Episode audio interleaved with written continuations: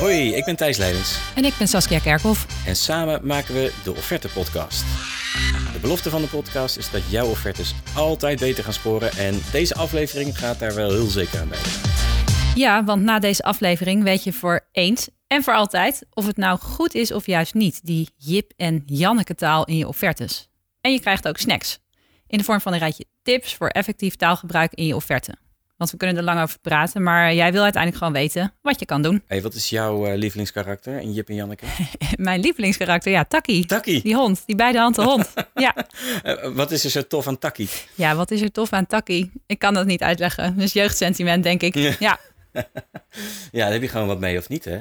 Ja, ik snap het wel. Even denken hoor. Ik, ehm, eh, ik moet dan voor het eerste denken niet aan Jip en Janneke, maar aan Puk, Puk van de Pettenflat. Ah. Eh, dus als we even de Fiep Westendorp karakters afgaan, en Annie M. Smit. Ik vind Zaza echt cool. Zaza. Zaza. Die was gewoon, die, die- die is heel bescheiden en niet kapot te krijgen. Dus ehm, Kijk. Ik denk dat dat wel eh, iets is wat ik, eh, wat ik waardeer Ja. in Zaza. ja, dat is wel interessant. Zaza, Zaza de kakker. Ja, die staat ook nog op ons eh, programma voor een van de podcasts. Hoe bescheiden moet je zijn in offertes? Maar daar gaan we een andere aflevering aan wijden. Dan wordt dat de Zaza de kakkerlak aflevering. Zaza de kakkerlak en bescheidenheid in offertes. Maar we gaan het vandaag hebben over Jip en Janneke. Ja, precies. Vandaag gaat het over Jip en Janneke.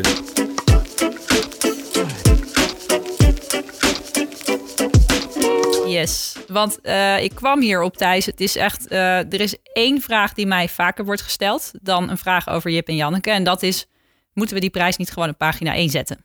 Nou, ook daar, eh, hè, we hebben het nu over Jip en Janneke. En met stip op nummer 2 is dan dus die vraag met een bezorgde blik erbij van... wordt het niet te Jip en Janneke op deze manier? Hè, vorige week nog, toen, toen sprak ik een klant, daar hadden we een offerte template opgeleverd. En ehm, die zaten naar de taalgebruik te kijken en die zeiden ja... Ja, ja, ja, ja, ik vind misschien toch wel heel erg Jip en Janneke zo. En nemen opdrachtgevers ons nu nog wel serieus als zakelijke dienstverlener? Herken je die? Nou, ehm, bij mij gaat het eigenlijk eh, vaker de andere kant op. Dat we te technisch worden Ah. in offertes. Je wil natuurlijk ook uitleggen wat je doet. Je bent heel trots op alle technologie die je inzet. eh, en het is ook wel soms noodzakelijk om te noemen. En dan loop je wel het gevaar dat het juist ingewikkeld wordt. Eh, ik, heb, ik heb eerder op mijn kop gekregen van klanten dat ze zeggen van... eh, leuk die offerte, maar kun je ook uitleggen wat erin staat? Ehm, dan dat het eh, te simpel Ja. zou worden. Ehm, Nou ja, dus ja, dat is iets waar ik vooral mee bezig ben. Dat ik als ik hem als ik offerte review, dat ik dan denk van oké, nu kan het ook simpeler. Kan ik ook woorden weglaten of misschien inderdaad meer uitleggen wat de waarde is voor de klant in plaats van noemen welke Ja. Plugin of techniek of wat dan ook we daarvoor gebruiken. ja. Nou, dat is wel interessant. Want jij zegt, ik krijg dus eigenlijk juist op mijn kop van klanten dat we het te technisch maken. En eh, dat herken ik wel. In die zin dat, dat ik vaak zie dat vooral in bedrijven intern de discussie wordt gevoerd van... eh, ja, is het zo niet de Jip en Janneke? Dus het begint met een, een soort inzicht, zelfwetend en ziend... of vanuit een klant die zegt, nou, het kan makkelijker. En dan gaan ze het makkelijker opschrijven. En dan valt iedereen bijna van zijn stoel. Omdat hij denkt, wow, dit is wel heel duidelijk. Ja, En eh, ja, dus de, de klant is eigenlijk nooit degene die zegt... jongens, wat heb ik nou voor Jip en Janneke offerte van jullie gekregen? Het zijn de mensen in de organisatie die er dan... ja, die het een beetje te ver vinden gaan of zo. ja hè, nou ja, het is. Een offerte heeft natuurlijk eh, verschillende kanten. Hè. Het heeft natuurlijk behalve een overtuigende kant ook een, een juridische kant. Het is toch een contract wat je met elkaar sluit. Ja. Eh, en dan moeten er soms dus gewoon dingen kloppen. Eh, dus ja, soms dan ontkom je er misschien niet aan om bepaalde dingen te noemen. Maar dan is het misschien wel weer zaak om uit te leggen waarom het er staat. Ja. Zonder dat het dan weer eh, een te lang, eh, wollig, eh, langdradig verhaal wordt. Ja. Dus dat is wel de kunst. Dus ergens zal de waarheid wel in het midden liggen, denk ik. Hè? Dat het niet te moeilijk en niet te ingewikkeld zal zijn, maar vooral eh Ja. doeltreffend. Ja, maar het is wel interessant van waarom, waarom maken eh, mensen in een organisatie er dan zo'n heet hangijzer van? Hè? Eh, over van dat Jip en Janneke maken ze zich er zorgen om of ze niet de Jip en Janneke schrijven, terwijl je klanten er nooit over hoort klagen en die eigenlijk alleen maar klagen als ze of klagen dat ze zo vaak onduidelijke offertes krijgen. Ja, precies. Ja, ik, het is, er is een, een verschil in hoe een offerte wordt beleefd in een organisatie en hoe die overkomt. Tuurlijk, ja, de organisatie is dag en nacht bezig met hetzelfde. Ja. Die klant hoort vaak voor het eerst van, eh, van wat je te bieden hebt en, eh, en hoe dat dan precies in zijn werk gaat. Eh, dus het, je zou over het algemeen kunnen zeggen dat je, dat, dat je niet te technisch moet worden als je iets probeert uit te leggen. En dat het niet, Nee. bijna niet eenvoudig genoeg kan zijn. Nee, en ik heb ook wel heel erg het idee dat het in het hoofd van, eh, van mensen zit wat, eh, wat duidelijke taal is en dat dat niet kan. Hè, er zitten vaak heel veel overtuigingen achter. En dan hoor ik ze zeggen bijvoorbeeld van ja, dat is, we moeten het wel zakelijk houden. Dan denk ik, ja, wat is dan zakelijk? Hè? Of het moet professioneel, of klanten voelen zich dan geschoffeerd als we zo gaan schrijven. En of dat waar is, geen mens die het weet, want er is nog nooit een klant die dat eh, heeft gezegd. Ehm, of misschien is er één keer een klant geweest die zei: Nou, ik vond wel een beetje. eh, een beetje. hmm, de toon sprak me niet zo aan. En ja, dan ga je je daardoor laten leiden. Dus volgens mij is dat ook een beetje dat onbewuste brein van schrijvers. Die denken: Ja, eh, ik, heb, ik doe een aanname over waar de klant op zit te wachten. En ik heb daar ooit iets over gehoord of gelezen. En ehm, ja, laten we maar aan de veilige kant gaan zitten en het niet proberen eenvoudiger op te schrijven. Ja, dus de crux is eigenlijk, eh, het gaat eh, eigenlijk over de vraag of je taalgebruik nou effectief is, toch? Uiteindelijk wel. Ja, want ik denk wel dat je daarmee een hoop discussies intern vlot trekt over Jip en Janneke. Want dan kom je op een soort smaakdiscussie van ja, wat past wel en niet. En is dit, hè, waar ligt de lijn? En is dit te simpel of niet? Nou ja, als het maar effectief is. En dus het gaat erom, ja, eigenlijk om drie dingen, denk ik. Dus dat die klant het eh, één begrijpt. Twee, prettig vindt om te lezen. Hè, ja, offerte zou niet als huiswerk, als een soort taakje moeten voelen. Dat eh, lijkt mij niet echt eh, nou ja, de juiste vibe die je mee wil sturen met zo'n offerte. En dus hij moet het begrijpen, lekker vinden lezen. En ten derde dan dus overtuigd raken van de voordelen. En overtuigd raken, dat lukt alleen maar als je het begrijpelijk opschrijft. En überhaupt zin krijgt om te gaan lezen. Precies. Je moet begrijpen, moet lekker lezen eh, en moet ook ja, overtuigd raken van de voordelen. En dat vereist natuurlijk wel het een en ander eh, van, van jou als schrijver. Ja, dat, dat is dan de vraag van hoe, hoe kies je dan het juiste taalgebruik, zodat je dat bereikt. Ja, nou ja, voordat we, voordat we de ideeën die we daarover hebben gaan uitleggen, vragen we het eh, heel even aan niemand minder dan Janneke Hallo. van internetbureau Slik. Hey Janneke. Janneke. Hallo, hoe voorkom jij dat je offerte nou niet te simpel of juist te ingewikkeld wordt? Eh, dat heeft denk ik met name te maken met, eh, met het luisteren naar je klant. Kennen zij de, de vaktaal die jij zelf ook spreekt? Of ehm, hebben zij juist eh, helemaal geen weet van wat jouw product inhoudt? En daarin probeer ik altijd wel eh, zo de offerte in te richten dat de tekst die zij lezen ook voor hun begrijpelijk is. Dus spreken zij onze taal, dan gebruik ik juist vaktermen. Spreken zij onze taal een heel stuk minder, maar zitten ze veel meer in eh, een marketing eh, hoek, dan ga je meer die hoek op met je taalgebruik. En hoe weet je dan, hoe weet je dan precies wie je, wie je offerte leest? Niet altijd, maar over het algemeen hebben we degene wel gesproken voordat we een offerte maken. Maar goed, die offerte gaat de organisatie nog in, dus soms eh, Ja, komt het ook onder ogen van een beslisser die helemaal geen weet heeft van je product of, of marketing. goed, ja. of ja. Wat erbij komt kijken. Nou, ik vind het al wel mooi om te horen dat je het jargon hè, of de vaktaal, dat je die, eh want vakjargon, dat zeggen mensen ook vaak, dat klopt dan weer net niet helemaal. Nee, de vaktaal inderdaad. of het jargon. ja, eh, afstemt op, eh, op wie je voor je hebt. Want ik kan me best voorstellen dat, ehm, dat mensen die echt eh, die er ook verstand van hebben, dat je dus juist eh, de aangeloofwaardigheid verliest op het moment dat je het in allemaal, nou laten we Jip en Janneke term toch nog even gebruiken, ja, uit gaat leggen. Ja. Terwijl het af kan schrikken bij mensen die er minder van weten. ja, klopt. Dus dat gaat over het jargon. En heb jij nog eh, een tip voor onze luisteraars over hoe je hè, in bredere zin, gewoon jullie verhaal als geheel, hè, hoe maak jij het overtuigend? Want dat is ook een aspect van die effectiviteit van je taal. Nou, dat is een goed punt. Dan kom ik nog even terug bij, eh, bij eerdere podcasts van jullie, eh, waar ook wel tips uitkwamen. en dat heeft met name te maken ook met het stukje, stukje ego-trippen. Oh ja. Eh, waarbij je heel snel in je offerte schrijft, wij gaan dit doen, wij doen deze instellingen. Ehm, wat je eigenlijk heel goed kan omschrijven naar wat dat voor de klant oplevert. Ja. Dus wij gaan niet deze instellingen doen, maar dat je eigenlijk verwoordt, wat is er, eh, wat levert Wat het de heeft de klant, klant op? aan die instelling? Ja, Ja. ja. Ja. Hm. want die denkt, eh, leuke instellingen, maar wat betekent het? Die gaat Google erbij pakken en die is weer een uur verder met, eh, met de offerte. En denkt, nou, te ingewikkeld, gaan we door naar de volgende. Ja. Dus eh, wat het de klant oplevert, dat is wel iets wat, eh, wat ik eh, regelmatig in mijn achterhoofd hou om het begrijpelijk te houden. Oké, wat goed. Nou Thijs, dat was ook een Ja, van onze tips. Dus eh, dat gaat dus alvast voor onze voeten Oh, weggemaakt. ja. Nou, su- super Goed. bedankt voor al je Ah. wijsheid en tips, Janneke. Eh, dan gaan we nu op zoek naar Jip. Nou, goed mee Jip. Yes, doei! Doei.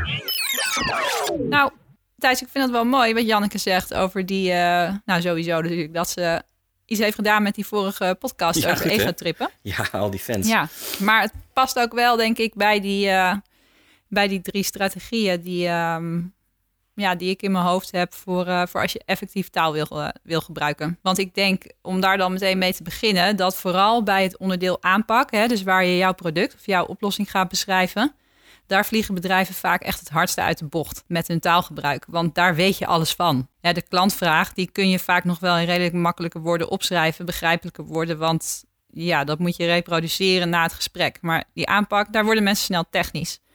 Eh, dus dan ga je dat lekker uitgebreid opschrijven. Maar ja, dit is wel het hoofdstuk waar je geld mee verdient. Eh, hier, dit, dit is wat je verkoopt uiteindelijk. Dus daar is het echt zaak om, ehm, om duidelijke taal en een goede structuur te gebruiken. Maar ook, want Janneke zei net over die, ja, wij noemen dat dan boren en gaten. Hè? Mhm. Of tenminste wij. Jos Burgers heeft dat bedacht, maar ik gebruik hem ook lekker. Eh, hè, dus je hebt een boor, namelijk eh, hè, dat je bepaalde instellingen doet. Dat is het middel. Alleen de vraag is, wat heeft de klant daaraan? En wat levert het op? Dus die gaten. Dat is echt belangrijk om dat in simpele taal steeds op te schrijven. Ik ben het er helemaal mee eens. Dus eigenlijk als je dus je offerte pakt, Ja. is het best oké dat er ergens iets staat wat, er heel, wat, wat preciezer uitlegt wat je doet. En waarbij er wel eens een, eh, eh, wat jargon kan vallen. Maar als je er maar voor zorgt Ja. dat je op een plek waar je echt, het, echt een beetje het, eh, het waarom uitlegt, waarom je met elkaar zou moeten samenwerken, dus die aanpak uitlegt, dat je daar heel erg begrijpelijke taal, geredeneerd vanuit de klant bezig. Zeker. Ja, dus dat is één. Eh, en dan heb je al een heel, eh, dan ben je al goed bezig om, eh, om dus de offerte niet te Jip en Janneke en niet te complex Zeker. te maken. Dat is één. Dan hebben we strategie twee. Ja, bedenk wat past bij je eigen organisatie. Hè? Wat je effectief vindt en wat bij jou past. En daarbij kun je teruggrijpen bijvoorbeeld naar hoe je salesgesprekken zijn. Trek eens de sfeer door.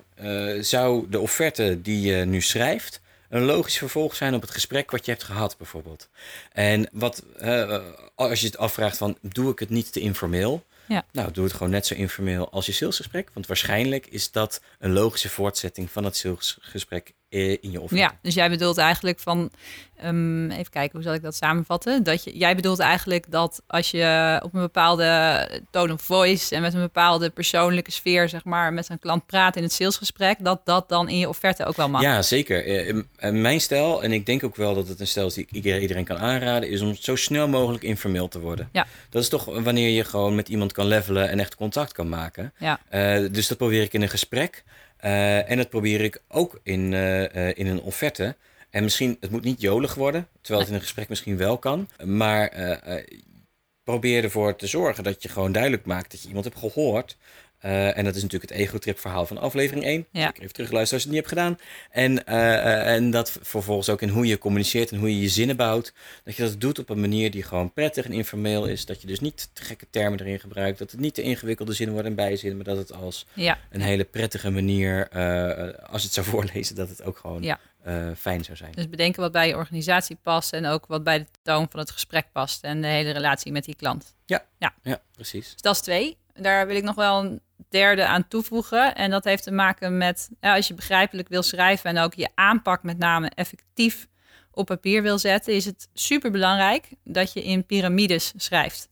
En daarmee bedoel ik dat het belangrijkste elke keer bovenaan staat. Dat kun je bekijken voor je offerte als geheel, maar ook binnen zo'n hoofdstukje als de aanpak. Gewoon elke keer heel duidelijk in de eerste zin opschrijven: wat gaan we doen? Hoe gaan we dat doen? En wat levert je dat op? Hè? Dus waarom is het belangrijk? Als je elke keer dat treintje volgt. Nou, als je oplettende luisteraar bent, dan herken je misschien die elementen van die golden circle erin van meneer Sinek. Hè? Dus de why, de how en de what. Mensen willen eh, weten wat je gaat doen.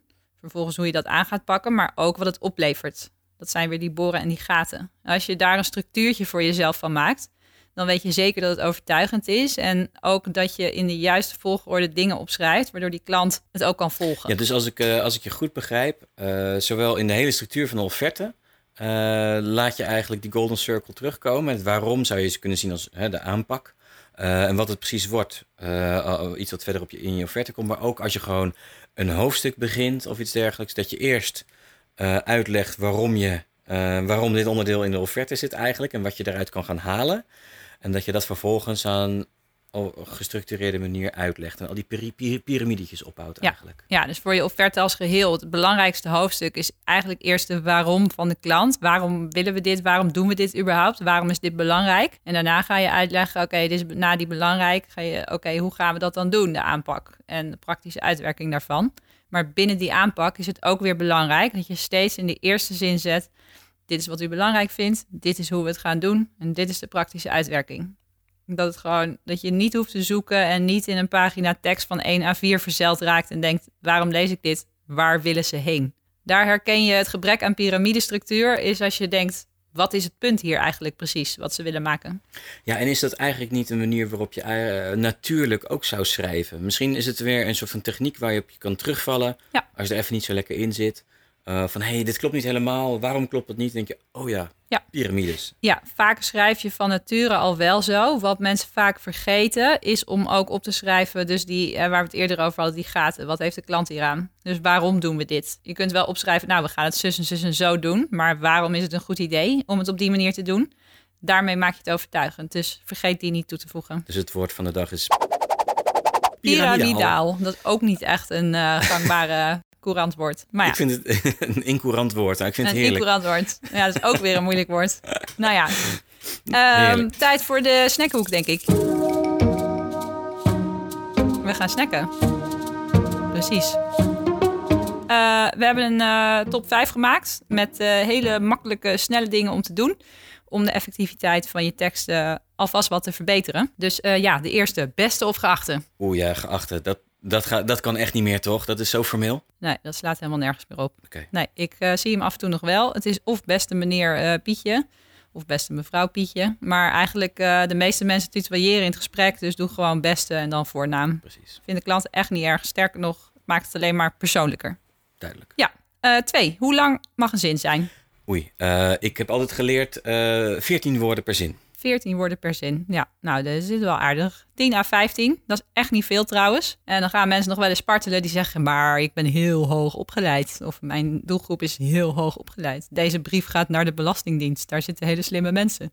Nou, die kunnen gemiddeld 18 woorden per zin aan. Dus dat eh, maakt niet heel veel verschil. Kort houden, misschien een beetje afwisselen. Want alleen maar korte zinnetjes achter elkaar... Ja, dan raak je de flow kwijt en dan word je misschien wel een beetje Jip en Janneke. Ja, als al je zinnen precies 14 woorden zijn en afgemeten, dan gaat het niet werken hoor. Eh, ik denk juist hele korte zinnen van een paar woorden, afgewisseld met soms net even wat langere zinnen. Als, eh, als, je, als, je, als je inschat dat je publiek dat ook waardeert, werkt eh, volgens vind ik het lekker. Precies. Ja, oké, drie. Laten we even kijken. Verboden woorden. En dan heb ik het vooral over wollige woorden. Nou, ik zou graag beginnen met echter. R. Tevens. Indien. In zaken. Als mede. Met betrekking tot. In het vertrouwen u hiermee een passende aanbieding te hebben gedaan, zien we uw reactie met belangstelling tegemoet. Oh, de meest gebruikte afsluiting in offertes. Dat kan echt niet meer. Nee. Daar heb ik ook nog allerlei ideeën bij, maar die, eh, daar kom ik nog wel een keer op terug. Volgende aflevering. Maar dat is een eh, hele ouderwetse. Daar laat je heel veel kansen mee liggen met die zin. Eh, vierde, we zaten in een snackronde. Zo min mogelijk dubbele bijvoeglijk naamwoorden. Jij weet wat ik daarmee bedoel, toch? Ja, dus je bedoelt eh, ehm, als iets, eh, je, je zegt eh, een effectieve aanpak, maar als je zegt een zeer effectieve aanpak. Ja, En dat is eigenlijk veel minder geloofwaardig dan als je zegt nee, het is een effectieve aanpak. precies. Ja, je probeert je woorden extra kracht bij te zetten en daardoor spak je het juist af. Een mooi meisje is een mooi meisje, daar hoef je niet heel mooi van te maken. Nee, hè? Zeker als er een oordeel in zit, ben ik altijd geneigd om hem naderhand weer te schrappen als ik het teruglees. Ja. Ik heb ook begrepen dat met na- ma- naarmate je minder bijvoeglijke naamwoorden gebruikt in je tekst, kun je een beroemdere schrijver worden. Want Hemingway was de schrijver met de minste bijvoeglijke naamwoorden per zin. En die heeft het heel aardig gedaan. En het leest ook gewoon heerlijk weg. Tenminste, ik hou ervan. Ehm, en dat geldt ongetwijfeld niet voor, voor, voor iedereen. Maar eh, je teksten worden beter van minder bijvoeglijke naamwoorden. En zeker geen dubbele. Dubbele zijn eigenlijk altijd Precies. een foute boel. Dus laat die klant zelf beoordelen of je aanpak zeer effectief is. En hou het hooguit op effectief. Of gewoon onze aanpak. Oké. Eh, de laatste, vijf. Actief schrijven. Er wordt contact met u opgenomen. Dat klinkt vreselijk, hè? Zo, zo bureaucratisch als wat. Ja. Nee, eh, we nemen binnenkort contact met u op. ja, dus actief schrijven bedoel ik eigenlijk echt het beestje bij de naam noemen. Hè? En eh, de- die hulpwerkwoorden zoals zullen, kunnen, willen, worden. En met name met constructies met worden. Of zijn, hè, dus er is of uh, er wordt, hij komt vaak in combinatie met een er, dan, uh, dan schrijf je de persoon uit de zin. En dan is niet meer duidelijk wie wat doet. Terwijl je zo'n offerte concreter maakt en ook persoonlijker als je gewoon uh, wij of u of de organisatienaam of whoever actiehouder is op dat moment. dat maakt het wel zo concreet. Nou, weet je wat ik ga doen? In de, in de show notes ga ik uh, al die verboden woorden zetten. Ja. Inclusief worden en zullen en zijn. En dan kun je gewoon, als je een offerte hebt gemaakt, even een find replace uh, uitvoeren. En weten in hoeverre jouw uh, offerte een beetje Jip en Janneke waardig is. Nou, dat vind ik heel aardig van je dat je dat gaat doen, Thijs. Die service verlenen wij gewoon. Super service. Dus op offertepodcast.nl ga je dat straks teruglezen. Check. Oké, dus even samengevat. wat hebben we nu besproken? wegblijven uit interne discussies over of iets Jip en Janneke is of niet. Want daar ga je als organisatie nooit uitkomen. En met jezelf trouwens ook niet als je in je eentje offerte schrijft. Dus kijk liever gewoon wat is effectieve taal om mijn doel te bereiken. En het doel is natuurlijk de ander overtuigen. Dus overtuigen met teksten en passen ze bij de uitstraling van, van mijn bedrijf of doelgroep. Verder super belangrijk dat je vooral in het hoofdstuk aanpak uh, echt goed kijkt of je niet technisch wordt en uit de bocht vliegt. En daar steeds uh, beschrijft wat je doet, hoe je het doet. En vooral ook die boren en die gaten. Dus wat levert me dit op voor de klant? Schrijven in piramides. Dat zijn denk ik de belangrijkste dingen. En daarnaast natuurlijk die, uh, die snacks die Thijs nog in de show notes gaat zetten. Let op je taalgebruik, korte zinnen. Maakt echt heel veel uit. Top. Dit is een extreem actionable aflevering, hè? Ja, nogal hè? ja, we zitten ja, toch een beetje op de tip van Flip en de raad van Aad. Maar ja. de Raad van Aad, ja. Nou ja, het mag ook wel eens een keertje uh, zo. Um, ja. uh, maar toch een beetje strategisch insteken en hier en daar wat praktisch. Ik hoop dat uh, iedereen er zo zijn voordeel mee kan halen. Ja. Um, dan zou ik zeggen, um, als we dit onderwerp daarmee zouden kunnen afsluiten, hebben wij nog een paar tips.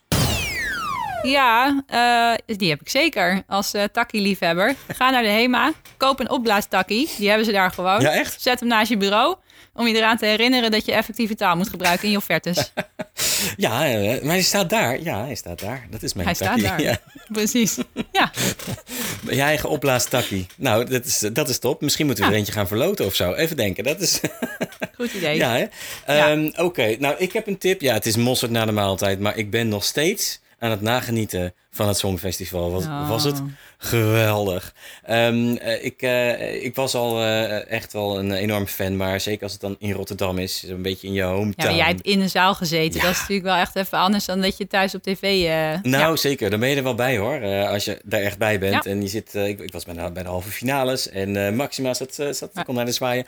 Um, was, maar wat is je tip nou eigenlijk, Thijs? Nou, mijn tip is afgezien van het feit, kijk altijd het Songfestival. En mijn tip is ook nog eens, er is gewoon een playlist met, uh, uh, met alle nummers van het Songfestival.